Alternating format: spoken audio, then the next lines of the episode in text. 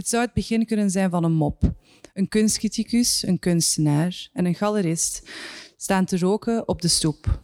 Ook wij, galerinas, paften en keuvelden ernaast. We vingen verhalen op over het gebroken plafond van een instituut, een uitgeputte museumsdirecteur en de backdoor politics van een of andere bestuursraad.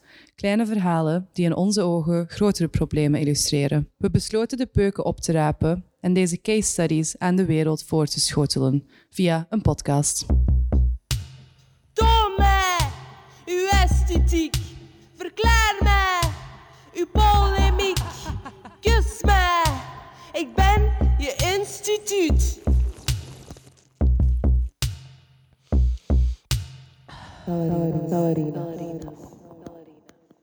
Welkom bij de tweede aflevering over het HISK van Galerinas. We bevinden ons nog steeds aan de tafel van Y, the Leather Space Department, in het HISK tijdens hun open studio's op 14 mei 2022.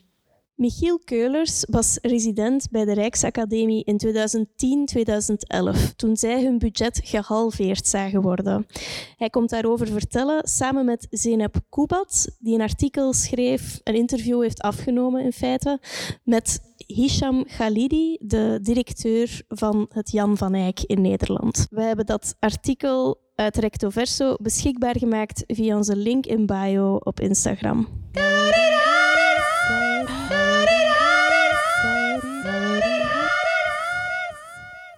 Hallo Zeynep.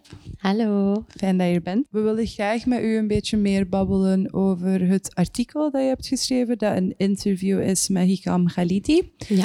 Uh, en de structuur van het HISK. Maar daarvoor ben ik vooral geïnteresseerd om te weten hoe vul jij je dagen? Wat is uw passie? Hoe positioneer jij je in de kunstwereld? Dat is een heel goede vraag. Ik denk dat dat ook iets is dat altijd in progress is. Um, maar uh, ik vul mijn dagen met uh, het maken van tentoonstellingen als onafhankelijk curator, uh, met werken als redacteur, onder andere voor Recto Verso. en ik schrijf ook heel veel um, voor kunstenaars, voor andere tijdschriften. Zo vul ik mijn dagen al heel snel met heel leuke dingen.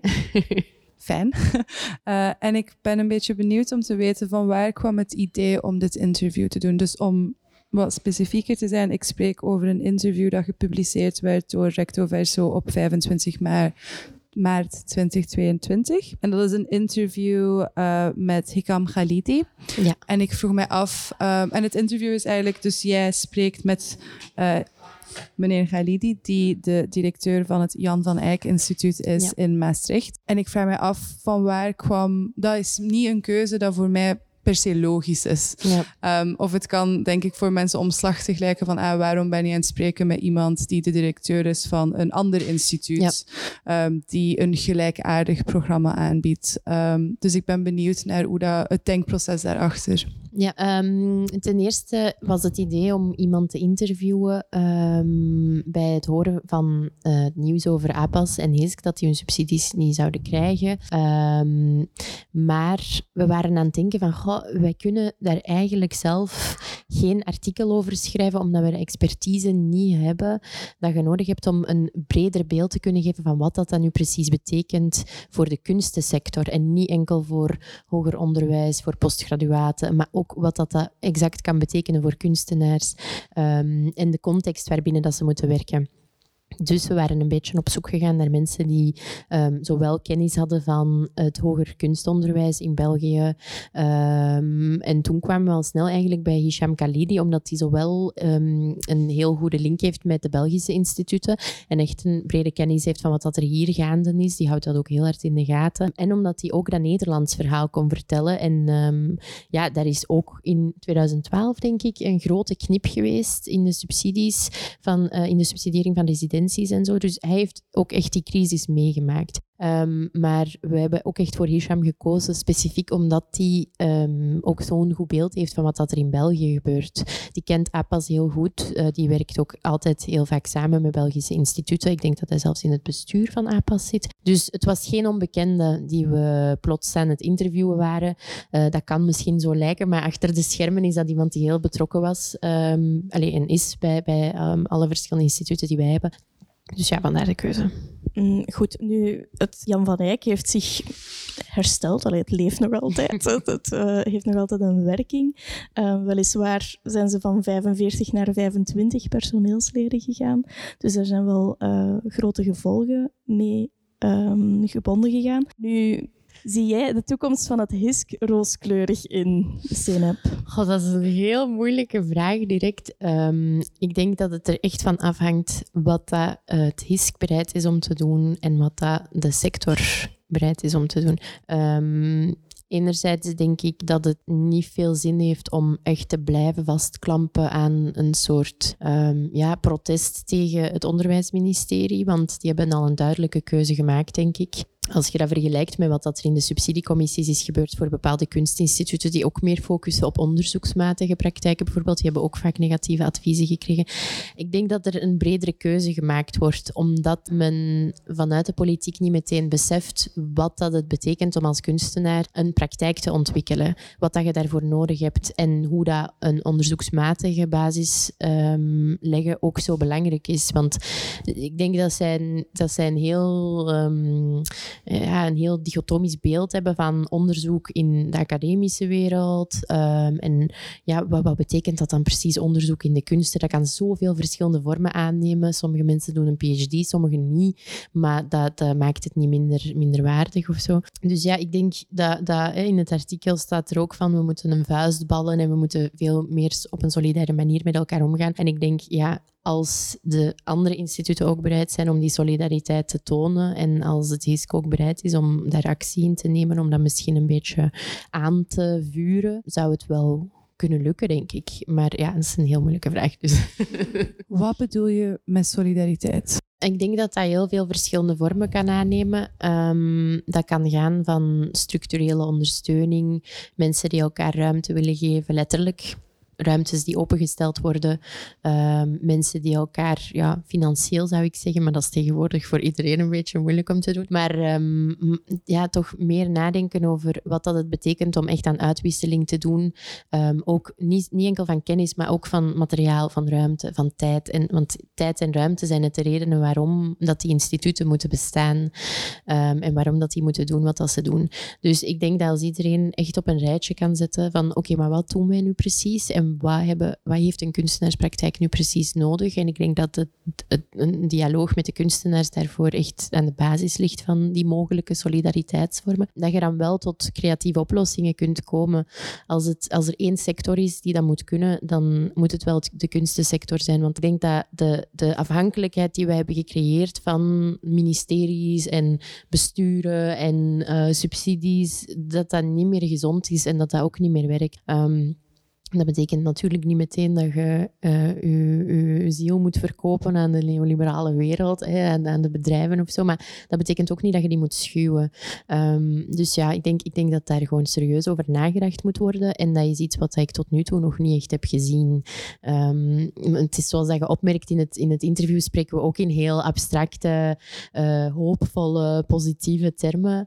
Maar ja, misschien moeten we daar echt gewoon eens invulling aan geven. En ik denk dat dat wel mogelijk is. Ja, ik denk dat hetgeen wat jij nu aan het zeggen bent, dat dat ook dan zou betekenen dat er bijvoorbeeld tussen Jan van Eyck en de Rijksacademie en de HISC wel een soort van, er zijn veel connecties. En er is wel ook een vorm van solidariteit, zou ik het misschien niet noemen, maar het is wel, er is wel een soort van wederzijds erkennen. En ik denk dat jij nu aan het zeggen bent van we moeten er eigenlijk voor zorgen dat die solidariteit of dat, ah, ik ken die wel, die kent mij ook wel, dat dat verder gaat dan een soort van leuke, lollige gesprekken dat je een keer op een opening hebt. En dat dat dan echt gaat over, oké, hoe maken we daar, hoe maken we werkwoorden van deze abstracte termen. Maar een ander aspect daarvan dat ook interessant is om over te praten, denk ik, is je hebt het Belgisch kunstlandschap en je hebt het Nederlands kunstlandschap. En in Nederland is fondsenwerven cultureel veel, een veel groter deel van wat het betekent om kunstenaar te zijn of wat het betekent om een kunstinstituut te zijn dan in België. Mm op basis van mijn eigen ervaring als iemand die een offspace heeft in Rotterdam, merk ik dat, het, dat er ook veel meer geïnvesteerd wordt in het bijvoorbeeld aannemen van um, mensen die zich specifiek richten op uh, het werven van fondsen.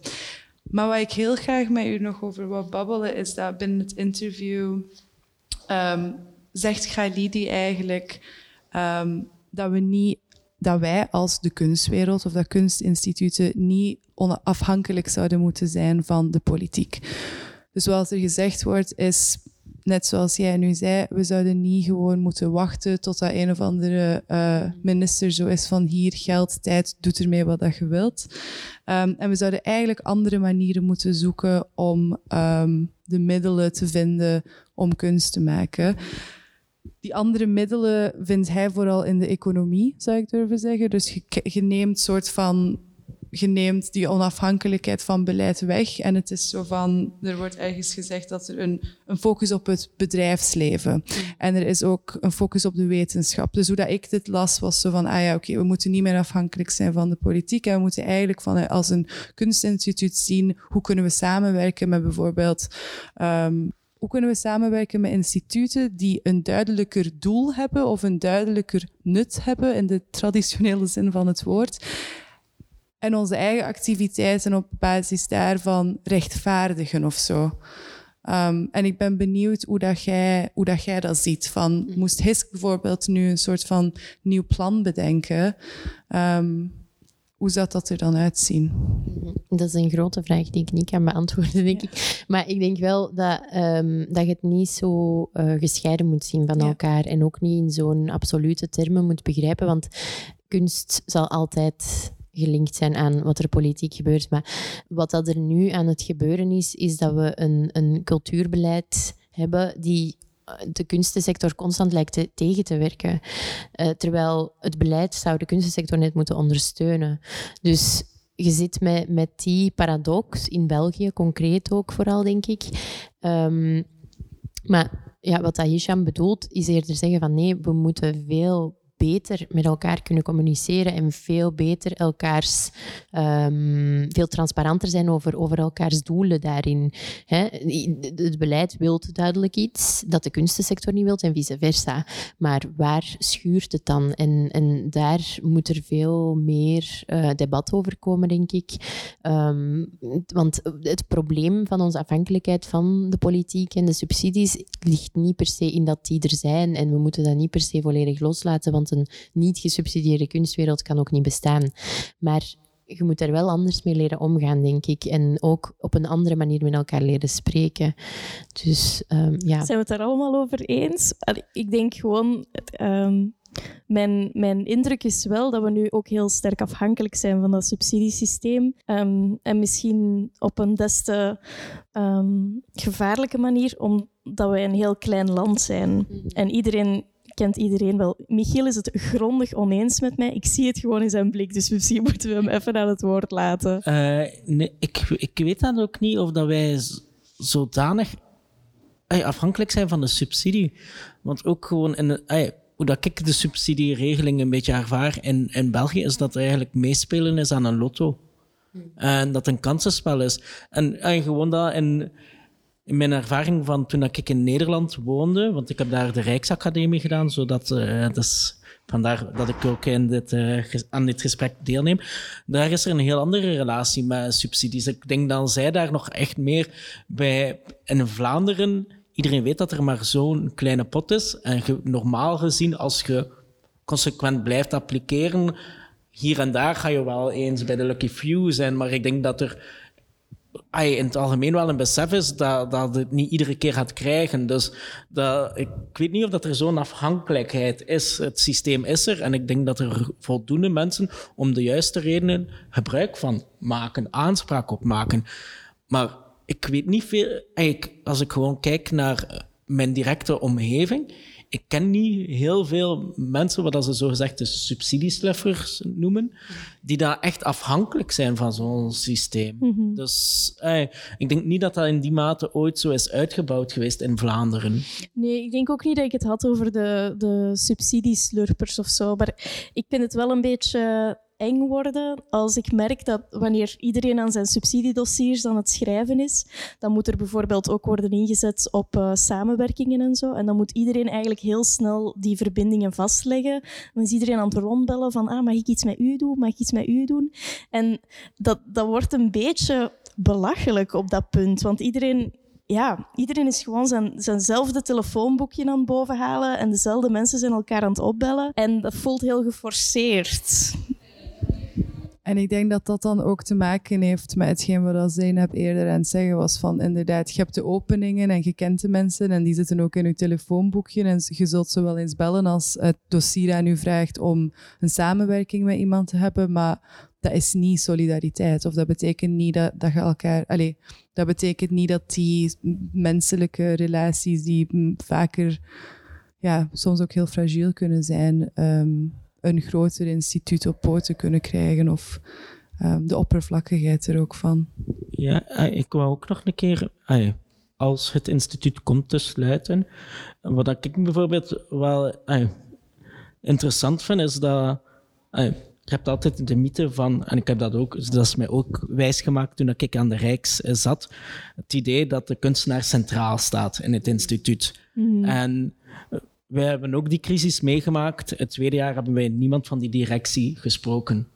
Die, dat, als iedereen die daar ooit al is geweest in de Rijksacademie weet dat haar of zijn bureau centraal in het gebouw zit. Dus iedere dag passeer je daaraan. Voor context, Michiel, je hebt de Rijksacademie gedaan in 2010, 2012? Ja, 2010, 2012. dus het tweede jaar was uh, dus hun budget ook gehalveerd. Hun budget werd gehalveerd. Dus ook dat idee zo van, oké, de kunstenaar staat zo gezegd centraal, maar je merkt eigenlijk dat het gewoon het instituut is dat verder wil instituut stond centraal.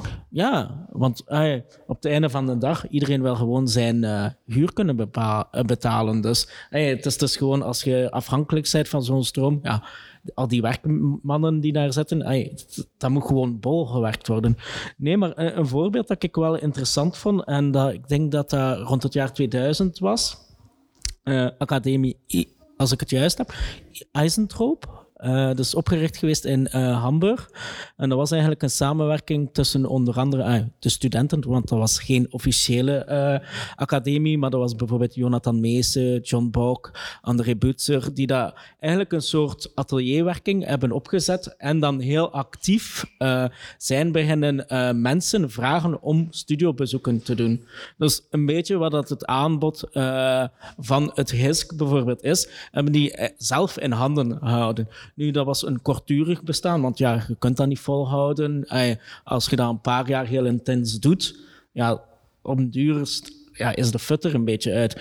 Maar ik denk ook wel dat dat interessant kan zijn, echt ook die oefening te maken van, oké, als de kunstenaar dan zo gezegd centraal staat in zo'n organisatie, wat kunnen die dan realiseren?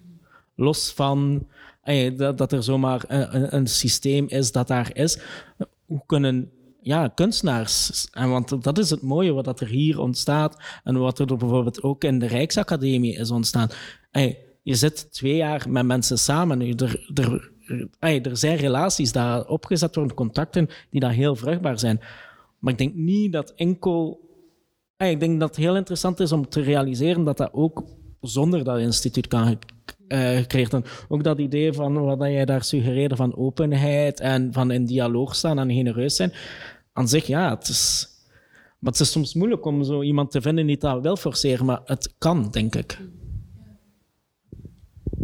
Goed, um, het is een beetje algemeen geweten dat het HISC uh, heel sterk opkijkt naar de Rijksacademie en dat het zich daar een beetje aan spiegelt en een gelijkaardige vorm wil aannemen. Mm, je hebt aan het, HISC, aan het uh, Rijks gezeten. Is uw indruk van het HISC dan een soort van klein broertje van het Rijks? Of ben ik daar helemaal mis? Oh, klein broertje? Ik denk dat dat gewoon een andere context is. Ik denk, denk de, de Rijks... Ten eerste, de heldstructuren zijn anders. Ik denk dat de Rijks ook iets professioneler is in die zin. Ook het, gewoon het team. Ik denk hoeveel, ik ben niet zeker hoeveel mensen dat er echt werken voor uh, het GISK, maar ik denk dat dat een redelijk klein team is. Mhm. Ik denk een tiental maximum. En de Rijks, ja, als je dan die verschillende ateliers al gewoon bekijkt, uh, die, ja, ze hebben ook echt een departement funds, uh, fondswerving. Daar zit je zeker al met een vijftigtal man, dus dan heb je ook al een heel andere dynamiek. Maar ik denk wel dat het grootste idee van dat een residentie of zo'n postgraduaat kan zijn, dat dat wel natuurlijk zijn inspiratie heeft gevonden bij zo'n programma als de Rijkse. Nu, naast de Rijkse moet je ook niet het belang onderschatten van wat dat ateliers zijn. Hè. En ik denk dat het ook wel heel interessant is om denk, ja, Jan van Eyck, voor mij is dat altijd meer iets meer een, een theoretisch discours geweest. Ik heb altijd zo in het idee van dat model, ook een beetje wat dat het Giske is, dat ergens zo tussen, tussen die verdeling zit van uh, ja, wat dat de ateliers is en wat dat de Rijksacademie is. Dus uh, eigenlijk een beetje een synergie van die twee programma's. En dat dat daar ergens op, ik zeg niet letterlijk gekopieerd, maar je kunt wel zien, het idee ook een tweejarig programma, uh, ateliers voorzien, uh, mensen van verschillende contraien samenzetten om ja, een soort uh, evolutie teweeg te brengen bij de verschillende deelnemers. In de pauze um, je, zei hebt dat het dossier van het HISC waarmee je je hebt bezig gehouden voor je artikel een uh, mijnenveld was. Kan je mij daar een beetje meer over vertellen? Wel, het, um, Mijnenveld zit misschien niet in het dossier zelf, maar eerder in, in andere zaken die gebeurd zijn in het verleden, bij HISK of rond HISK, denk ik. Um, ja, ik ken niet alle details natuurlijk, omdat daar ook heel veel uh, geheimhouding rond is of, of dingen achter de schermen gebeuren waar dat mensen van buitenaf niet op de hoogte van zijn. Maar um, wat aan mij wel opviel, was dat er bijvoorbeeld... Um, in het dossier enkel sprake was van financiële uh, inconsistenties en dat dat een van de grootste redenen was om um, de beheersovereenkomst stop te zetten. Maar achteraf, tijdens een heel toevallig gesprek ook met iemand um, die hier heeft gezeten, um, ben ik eigenlijk te weten gekomen dat er allerlei andere zaken zijn gebeurd met personeelsleden, met kunstenaars, uh, die niet op een correcte manier zijn behandeld en zo. En natuurlijk zit je ook met het probleem dat het bestuur van het HISC altijd heel erg politiek is geweest. Um, er waren heel erg veel mensen verbonden aan bepaalde politieke partijen die dan mee hebben bepaald wat dat er is gebeurd. Die hebben mee bepaald dat het HISC ging verhuizen naar Brussel en uh, een satellietwerking ging hebben en dergelijke. Dus ja, het, het, is, het is een mijnenveld omdat er ook zoveel onduidelijkheden zijn. Omdat je eigenlijk zou het heel straightforward moeten zijn, omdat het een instituut is dat een postgraduaat aanbiedt aan kunstenaars, ateliers, residentiewerking heeft. Maar uiteindelijk blijkt dat dat dan niet zo straightforward is en dat er heel veel verschillende stemmen eigenlijk samenkomen om dan te bepalen wat dat er gaat gebeuren. Maar die bepalen ook natuurlijk wat dat er gebeurt met de kunstenaars. En dus onrechtstreeks ook met, met het hele ecosysteem van de kunsten uiteindelijk. En hoe de andere instellingen moeten werken. Of wat de verwachtingen zijn bij andere instellingen vanuit de politiek, vanuit de kunstenaars, vanuit de cultuurwerkers. Dus mm, daarmee dat het een mijnenveld is en daarmee dat het ook heel moeilijk is om daar concrete uitspraken over te doen, omdat je vaak met, ja, dat is, dat is heel typisch, maar dat is altijd gebaseerd op hearsay en roddels. En dat is dan, uw, hè, dat is dan de informatie waar je mee verder moet. Maar hoe correct is dat en hoe snel mocht je ervan uitgaan dat iets negatief ook echt zo gebeurd is of whatever. Maar ja, er zijn gewoon heel veel schadelijke verhalen, zoals bij elk instituut, daar gaan we niet over liegen, denk ik. Maar dat, dat creëert ook wel een bepaalde atmosfeer of, of legt ook wel een bepaalde basis die je moet kunnen overtreffen tijdens zo'n crisismoment. Ja, ik ben, ik ben een beetje op mijn hoede in de sens van omdat jullie hebben ook de vraag gesteld van hoe zien jullie, zien jullie de toekomst rooskleurig? Um, dat gaat ook mee bepalen of die toekomst rooskleurig is of niet. Of dat je het mijnenveld meeneemt in de toekomst van het HISC of niet. Maar ja, er zullen waarschijnlijk elementen zijn die altijd mee blijven komen. Um, maar ja, dat is, dat is, heel moeilijk om daar concrete dingen over te vertellen of te, of te weten te komen zelfs bijna. Ja, ik denk dat hetgeen wat jij dan ook aan het zeggen bent, is dat zolang dat je niet omgaat met, die, met het gebrek aan transparantie, of zolang dat je niet omgaat met het mijnenveld door um, zo transparant mogelijk te zijn over wat dat de verwachtingen zijn en waar dat geld vandaan komt en wie de macht nu eigenlijk in handen heeft, dan kun je ook niet naar een rooskleurige toekomst gaan. Dan kun je ook niet naar een HISC 2.0 gaan, want er bestaat een hele grote kans dat die uh, machtsstructuren gerecreëerd worden. En ik denk dat het dan ook heel interessant is dat je zegt dat het allemaal in financiële termen wordt uitgedrukt, terwijl dat er voor iedereen die er onderzoek naar doet, een heel klein beetje gewoon wat opzoekwerk heeft gedaan, of iedereen die op een of andere manier betrokken is bij het HISK of zich gebonden voelt aan het HISK, wel heel goed aanvoelt van het is niet enkel geld. Los van wat er gebeurt, ik denk dat het misschien wel interessant is dat er af en toe een keer een crisis is. Eh, ik weet ook gewoon, toen dat wij aan de Rijksacademie zaten, dat er wel een discussie was over ja, hoe, wat dat de toekomst kon zijn. Want ook, en nu, nu weet ik niet precies hoe dat, dat hier zit met deze locatie, maar ehm, de Rijks, dat is een eh, rijksgebouw, die huren dat van, eh, ja, van de staat. Die krijgen daar subsidies voor, maar ik denk dat dat een miljoen per jaar is dat ze van die subsidies eigenlijk terug moeten geven voor uh, gewoon al die huur te bepalen. En toen waren er echt discussies rond van oké, hoe kunnen we dat gaan vinden, dat geld? Er was toen ook een, een, een, ja, een discussie gaande over een, misschien een mogelijke uh, samen... Uh, een, oh, ik ben het woord aan het zoeken. Dat, dat ze gingen samenwerken. Eh, samenwerking, dat is het woord. het is grappig dat ik dat niet weet, terwijl dat we daar net over aan babbelen zijn. Nee, dat ze misschien gingen gaan samenwerken, fusioneren met de ateliers. En eh, er is en dat is eigenlijk heel ver gegaan. Dat, is, dat ging bijna iets concreets zijn. Dat is... Uh, de krantenartikels lieten uitschijnen dat dat een interne powerzet is geweest dat hij heeft tegengehouden. Maar er, er waren echt gesprekken op verschillende niveaus bezig van hoe kunnen we op een bepaalde manier verder gaan met minder middelen en hoe kunnen we ook de kwaliteit van ons programma garanderen. Net zoals dat er nu minder uh, kandidaten zijn bij uh, de Van Eyck, zijn ze ook met uh, denk een tiental uh, residenten per jaar minder op de Rijksacademie. Dus uh, in die zin denk ik niet dat het slecht is dat er nu een keer wordt gezegd van hey, hola, zo kan het niet langer. Of dat daar daarvoor moet verdwijnen, dat, ja, dat hoop ik van niet. Maar ik denk wel dat er wel een moment is dat en dat is ook iets wat ik jammer vind, en in die zin ook wel een parallel zie, is dat er toch van het instituut uit niet echt een positie wordt ingenomen. Mhm. En dat vond ik ook heel jammer bij ons destijds in de Rijksacademie, dat er wel heel veel gelobby was op de achtergrond, maar dat er niet echt signalen waren. Toen dat wij daar zaten als resident, wij wisten niet. Af en toe zagen wij een van de personeelsleden verdwijnen, omdat hij dan ja, zelfs het heft in handen nam om zijn ontslag in te dienen. Want het instituut kon ook niet meer uh, financieel daarvoor instaan om iemand te ontslaan.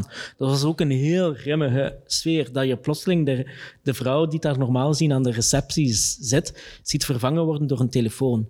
Mm uh, so, dus, maar ja, ze hebben, ze hebben wel die discussie gepoogd te nemen. En in die zin was dat misschien wel iets positiefs.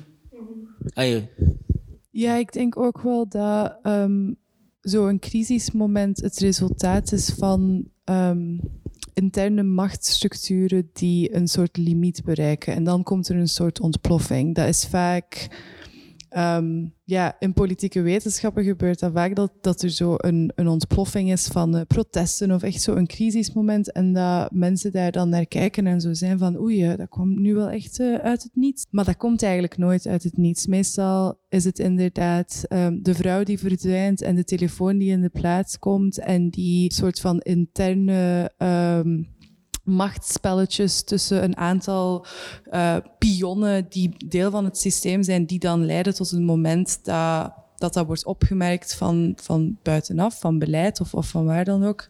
En dat er dan een crisismoment komt, dat dan ook kan gezien worden als een moment om eens te reflecteren op die soort van interne uh, problemen. Maar het is interessant om te zien hoe gaat je dan met die crisis om? Of hoe kun je dan is ook een beetje idealistisch misschien om een, om een crisis um, dat uw bestaansrecht bedreigt te zien als een momentje voor reflectie. Ja, ik denk, denk, ik denk aan de ene kant ook wel een beetje een paradox tussen het idee dat wij als kunstenaar, er wordt geacht van ons dat wij heel flexibel zijn. En als je dan, dat is dat idee van dat, dat crisismoment. Als er plotseling een of andere heldkraan wordt toegedaan, dat dan zo plotseling alles onder vraag in vraag moet gesteld worden. En ik denk dat dat af en toe ey, vanzelf zou moeten gebeuren. Ey, als we bijvoorbeeld denken, ey, ik, ik weet zelf niet voor welke periode dat de huidige directeur van de Rijks benoemd is. En het zou heel tof zijn, moest, ey, ik kan dat gewoon vergelijken bijvoorbeeld met vrienden van mij in Zwitserland. Die maken daar soms een weddenschap van, van te raden welke curator naar welk instituut gaat. Omdat dat daar heel duidelijk is van, dat is bijna like een uh, presidentsverkiezing.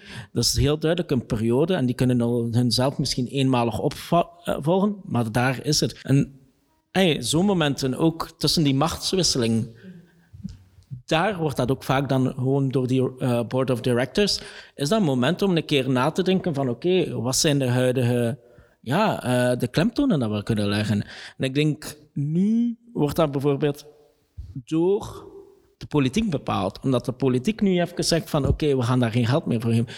En het had wel interessanter geweest, moest zij gewoon door politieke en inhoudelijke keuzes, dat GISK wel af en toe een keer zoiets heeft van oké, waar gaan we nu voor en wat is onze lange termijnsvisie? Of hoe gaan we dat hier oplossen?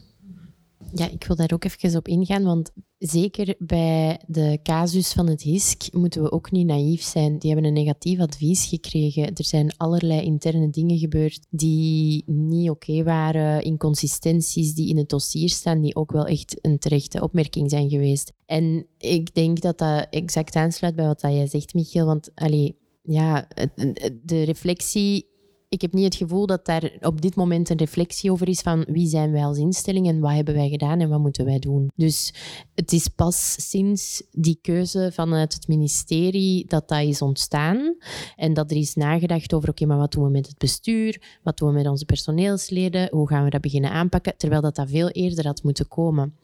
Nu, dit gebeurt ook wel binnen een specifieke context, waar dat, omdat we zien dat APA's die wel een positief advies hadden gekregen, toch nog ook zijn geschrapt. Um, dan, dan weet je van oké, het was echt een keuze ook vanuit de politiek. Dus het is een dubbele werking van twee verschillende situaties die zich tegelijkertijd hebben voorgedaan en die eigenlijk heel nefast is voor heel het ecosysteem van de kunsten, omdat je daar slechte voorbeelden mee aan het geven bent. Um, maar ik denk, en ik denk dat we het er, net stiekem al in de pauze ook een beetje over hebben gehad. Ik ben het helemaal eens met Michiel, dat, dat, en, en ook om verder te antwoorden op de vorige vraag, um, dat het vanuit de kunstenaars moet komen ook. Want wat dat jij zei over de Rijksacademie, hoe dat de instelling meer centraal leek te staan dan de kunstenaars, dat zou niet mogen, omdat dat ook eh, tot, eh, het, het, het, beleid van uw instituut tegenspreekt, het doel van uw instituut tegenspreekt. Dus als je dat nu gewoon omkeert, dan denk ik dat je veel meer um, kans hebt om verder te kunnen bestaan, op een duurzame manier iets kunt construeren, dan nu uh, de regeltjes terug herzien en kijken wat dat we moeten doen. En ja, op een heel, um, hoe zegt? Op een heel um, strategische manier bijna gaat nadenken van, maar wat moeten we nu doen om ons geld wel te krijgen? Want dat mhm. denk ik dan echt nefast zou zijn, bijvoorbeeld.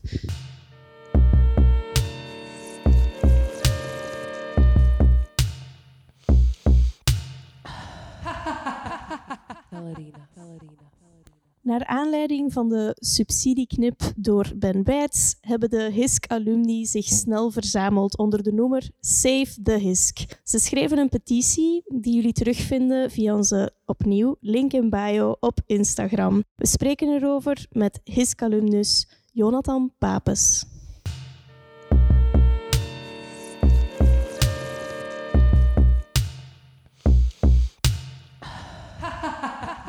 Ballerina. Welkom Jonathan, kunstenaar en ook alumnus van het HISK. Van welk jaar specifiek? Uh, 2016, 2017. Dat is niet zo lang geleden, maar misschien op andere manieren toch wel al een tijdje terug. Vergelijking met mijn tijd toch wel een heel groot verschil alvast.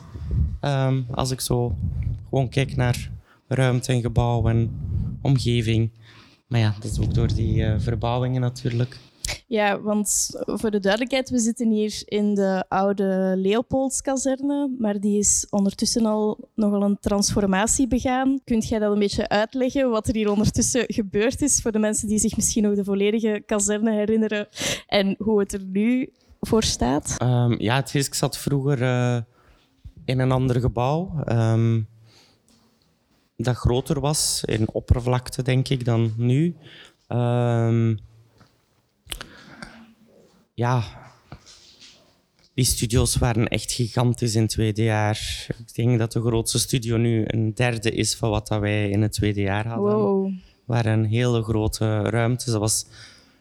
In het eerste jaar had een heel klein studiootje. ehm, wat dat wel goed was, daardoor konden zo heel even zo weer ingekapseld in je eigen werk terechtkomen of zo. Of dat was toch mijn ervaring ermee. En dan kreeg je die gigantische ruimte en dan ja, ontplofte bijna. Hè. En dan ga je alle kanten uit. Ehm, ik heb daardoor heel veel werk kunnen realiseren op heel korte tijd, omdat je gewoon aan verschillende werken kunt doorwerken en niet zo aan één werk moet zitten wegens plaatsgebrek. Zoals dat ik nu weer heb hoor, in mijn eh, mini-studiootje van eh 16 vierkante meter. Nu, de generatie 2016, 17, 18 ook nog lijkt mij een van de meer militante generaties. Ik heb het gevoel dat veel kunstenaars die zich nu heel actief ehm, inzetten ter verdediging van het HISK uit die groep komen. En ik meen mij ook te herinneren dat destijds eh, jullie ook al eens in protest zijn gekomen. Dat klopt. Eh, toen dat wij in 2017 begonnen, ehm, op 1 januari, want het HISK heeft een andere tijdsysteem dan meeste scholen hebben. Dus misschien even voor de duidelijkheid. Je zit van januari tot december op het HISK en niet van september tot september. Ehm, en toen dat wij eh, ja, toekwamen, waren plots de werkplaatsen, de atelier en de houtwerkplaats gesloten. Ehm, zonder dat wij daarover waren ingelicht. Ehm, en toen zijn wij inderdaad in protest beginnen komen. Hebben wij de raad van bestuur daar ook op aangesproken dat dat ons beloofd was, dat wij daarvoor getekend hebben. Want getekend nog altijd voor zoiets, voor zo'n plek als dit. Ehm, en dat dat niet zomaar kan weggenomen worden. Dus eh, dan hebben wij onze slag thuis gehaald. Die zijn dan na drie maanden, denk ik, ongeveer weer open gegaan. En dan hebben wij nog verder geëist dat er een eh, positie vrijkwam voor de ehm, ja, eh, kandidaat-laureaten ehm, binnen de raad van bestuur als een adviserende rol, niet als een meer beslissende rol, maar als een adviserende rol over het verder verloop. Ehm, wat ik toen als eerste heb opgenomen, voor ja, een paar maanden maar, want ja, het was maar een paar maanden. En ehm, dat is dan verder gegaan tot ik hoorde dat dat dit jaar toch ook op een of andere manier verdwenen was weer. Ja, dat is mij verteld geweest, dat er momenteel geen afgevaardigde meer van de kandidaat-laureaten de vergaderingen bijwoont van bestuur. Dat klopt. En hoe heb je die positie als adviseur eh, ervaren? Ik merkte toen al dat er veel meer beslissingen waren genomen, waaronder ook deze ehm, transformatie van het HISK van de locatie van waar ze komen naar de locatie waar dat ze gaan. Nog altijd op deze site, maar ehm, je kunt het hier nu al zien als je uit het raam kijkt eh, naar de glazen ondergrondse gang waar dat de kunstenaars mogen gaan zetelen. Ehm, en de mensen hun dan een beetje kunnen bekijken. Ehm, gezellig, denk ik. Dus al die beslissingen waren blijkbaar al besloten eh, zonder dat daarover gecommuniceerd werd. Dat vond ik wel verbazingwekkend. En met de HISC Alumni zijn we dan ook echt aan het ijveren om een meer transparante en open eh, vorm van raad van bestuur te creëren. Had je in die positie de indruk dat er naar u geluisterd werd? Er werd geluisterd. Dat wel. Of dat er iets mee gedaan werd, dat weet ik niet. Ik denk ook niet dat het zeer nuttig is voor eh, een afgevaardigde van de studenten om permanent in een raad van bestuur te zitten, want een raad van bestuur moet beslissingen nemen over een langere termijn. En ik denk dat dat goed is dat er, dat die, dat die, ehm, dat er een open communicatie is tussen de studenten en de raad van Transparantie. bestuur. Transparantie, inderdaad. Maar ik denk niet dat die een zetelende rol moeten hebben in de raad van bestuur, want dat is gewoon praktisch zeer moeilijk om zoiets te realiseren. Maar ook een raad van bestuur moet ook wel echt grote plannen en grote lijnen kunnen uitschrijven. Ehm, wat ik wel denk, is dat er meer ehm, alumni bijvoorbeeld betrokken moeten worden bij de raad van bestuur. En er is zo, dat zou misschien wel zijn, goed zijn dat er een afgevaardigde van de alumni zetelt in de raad van Ja. bestuur. Dat is maar een idee dat ik denk eh, dat nuttig zou kunnen zijn. En ehm, nu bijvoorbeeld in januari kwam het dan het nieuws dat eh, minister Wijts de subsidies niet zou verder zetten. Jullie hebben elkaar schijnbaar vrij snel gevonden dan als alumni, of hoe is dat in zijn werk gegaan? Wij hebben altijd contact gehouden, ook als alumni. Ehm, ik heb met alle jaren waarmee dat ik samengezeten heb en de meeste jaren erboven en daarna ook gewoon contact.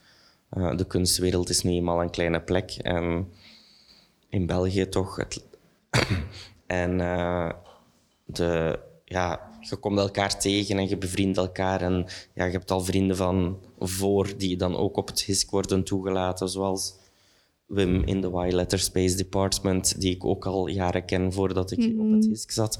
Ehm, dus dat, zijn, dat, is het, dat is altijd het mooie en dat is altijd het goede, ook als je elkaar vindt als kunstenaars in, in zo'n plek en dan kunt ehm, samen groeien, dan schept je echt wel een band die enorm intens en enorm goed ehm,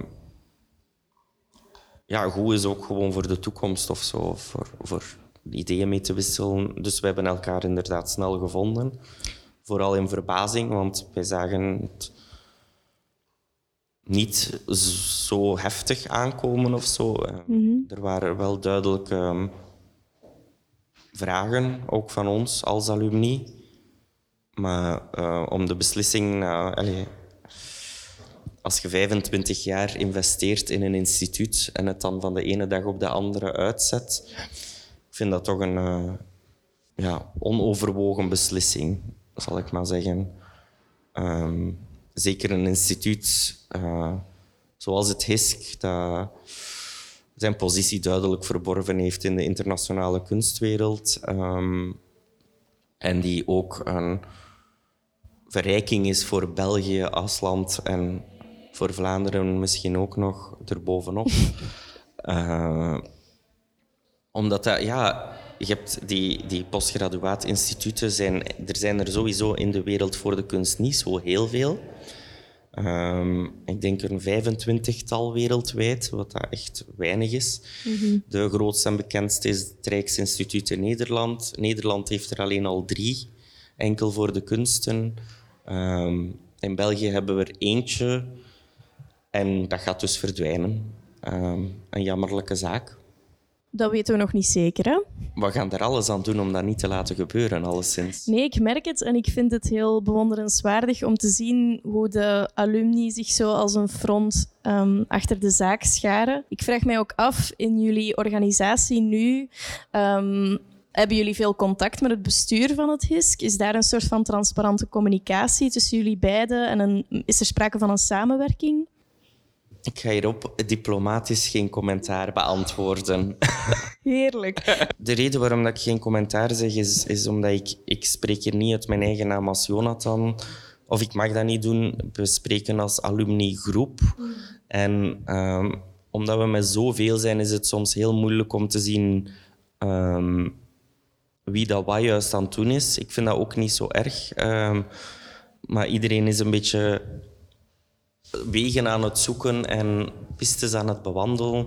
Onder andere ook de alumni die in de raad van bestuur zit, heeft contact met ons en ehm, of kan alleszins alle documenten die wij maken als alumni kan inkijken. Dus ik weet het allemaal niet zo zeker. Het is daarom dat, dat ik die beslissing neem om geen commentaar te zeggen. Het is niet om in iets weer in het ongewisse te laten. Ehm, ja, we zijn ook niet super professioneel hierin of zo. Het is niet dat wij weten van, ah ja, dit gaat het resultaat opleveren of zo. Het is echt gewoon een, een strijd zoals dat we vorige keer ook hebben gedaan. Eh, beginnen met converseren, beginnen met samen brieven te schrijven, samen dingen op te stellen waar dat iedereen inspraak in heeft en ehm, een volledig ja, open platform eigenlijk aan te houden. ehm, onder de HISC alumni. Dat is een beetje de, de strategie. Dus het is niet ehm, om hier te, dingen te verzwijgen. Het is gewoon om geen, eh, geen dingen te zeggen dat ik niet zo van op de hoogte zijn. Eh, ik vind het allemaal heel mooi.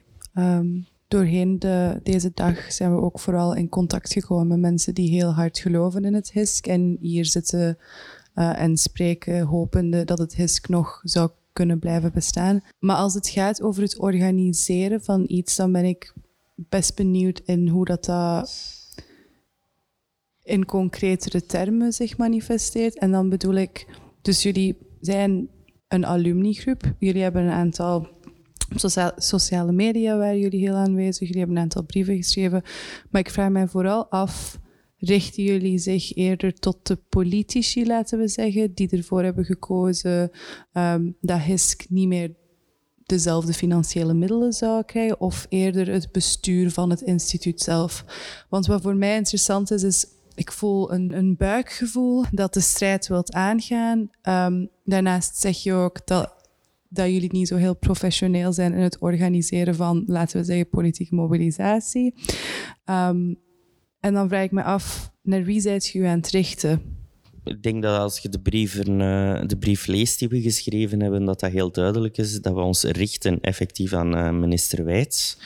Ehm, we hebben ook van minister Wijts nog altijd geen antwoord gehad op onze brief. Ehm, vind ik een beetje eh, ja, verrassend. Ehm, ik denk ook als je de brief leest dat we wel ons duidelijk onze mening ook wel duidelijk maken richting de Raad van Bestuur.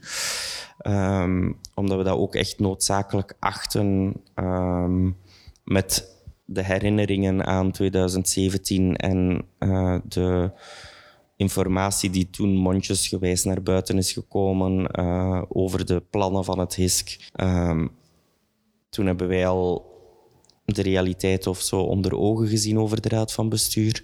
Maar uh, ja, het blijft natuurlijk wel een, uh, een, een, vraag ook om, naar, om met de raad van bestuur aan tafel te zitten en te horen wat dat hun plannen zijn en hoe zij de verdere evolutie zien van deze crisis. Want uiteindelijk moet je wel voorbereiden op, uh, op de worst case scenario, dat over twee jaar, alleen een jaar en een half, er gewoon letterlijk geen budget meer is om het open te houden.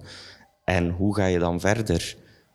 Zijn er plannen? Liggen er dingen op tafel? Dat is, dat is ook de reden waarom dat we niet professioneel kunnen zijn, omdat we het niet weten allemaal. Dus het is een soort van giswerk. We zijn alleen maar zo... Het is net als zo'n vis die net op het land komt en gewoon maar aan het spartelen is in de hoop dat hij kan leren lopen. En dus tot nu toe hebben jullie geen antwoord gehad op jullie brief. En er is ook niet een moment geweest waarin dat de alumni en de huidige residenten konden samenzitten met de raad van bestuur. Nee. Oké. Okay. Maar klopt het dan wel? Want uh, William zat hier daarnet en hij is wel op bezoek geweest bij Politica. Hij is daar vrij transparant over geweest. Wij weten dat dit soort gesprekken uh, plaatsvinden. Dus die, ja, er worden wel dingen besproken en jullie zijn wel aan het lobbyen bij politici, als ik het juist begrijp. Ja, zeker. zeker. Ja, ik denk ook... Um, of het idee dat wij opvatten als alumni, dat is ons idee natuurlijk, is het uh, in eerste instantie terugkomen op de beslissing. Mm-hmm. Um, omdat de beslissing inherent volgens ons een vergissing is. Um, en we zijn inderdaad politieke aan het praten met verschillende groepen. Um, ik denk dat dat ook logisch en noodzakelijk is. Uh, we zijn ook media aan het contacteren. Um, uh, Lviv publiceert heel vlotjes. Aan de Waalse kant lukt het uh, iets makkelijker dan aan de Vlaamse kant, bizar genoeg. Gek genoeg, ja. Ja, inderdaad. Terwijl dat dit een Vlaamse beslissing is. Uh, het is uh, weer de schizofrenie, schizofrenie van ons land is weer op en top. Maar dat is een andere discussie waarschijnlijk. Dus ja, nee, ja, tuurlijk. Er zijn, de eerste instantie is hopen dat de beslissing gereviseerd wordt, zowel voor het HISK als ook voor APAS. Want wij vinden ook daar de beslissing een foutieve beslissing.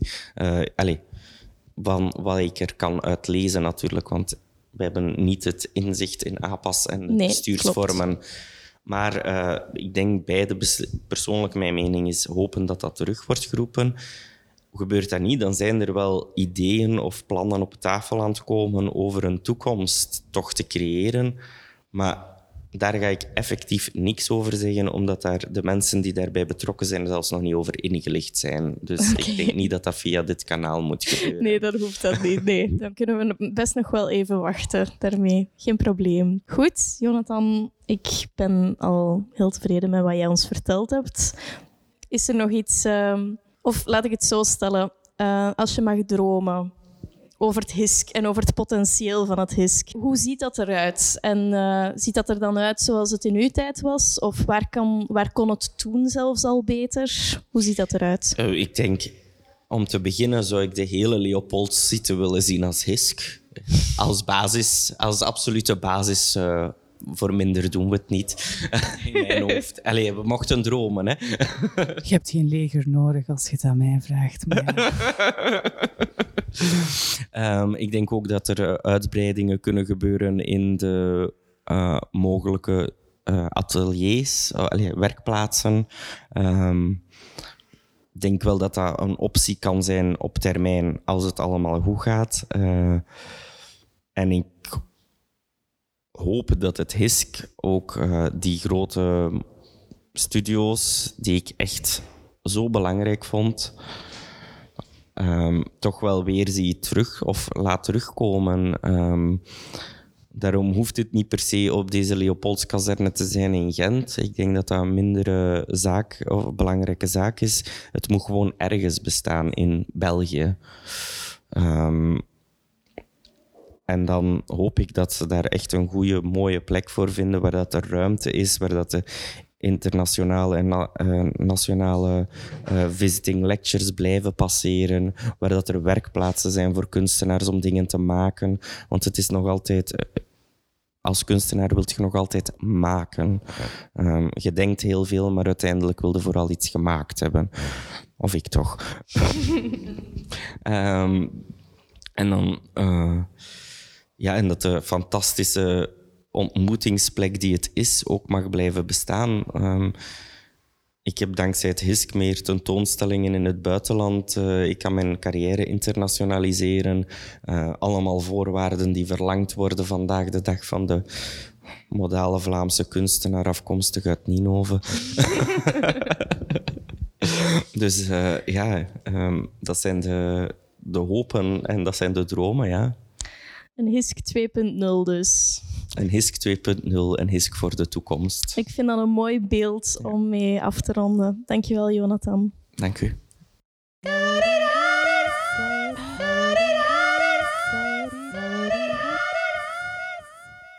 Dit was het einde van onze tweede aflevering over het HISK. Wij zijn heel benieuwd. Waarover vinden jullie dat de galerinas het moeten hebben? Laat het ons zeker weten via Instagram.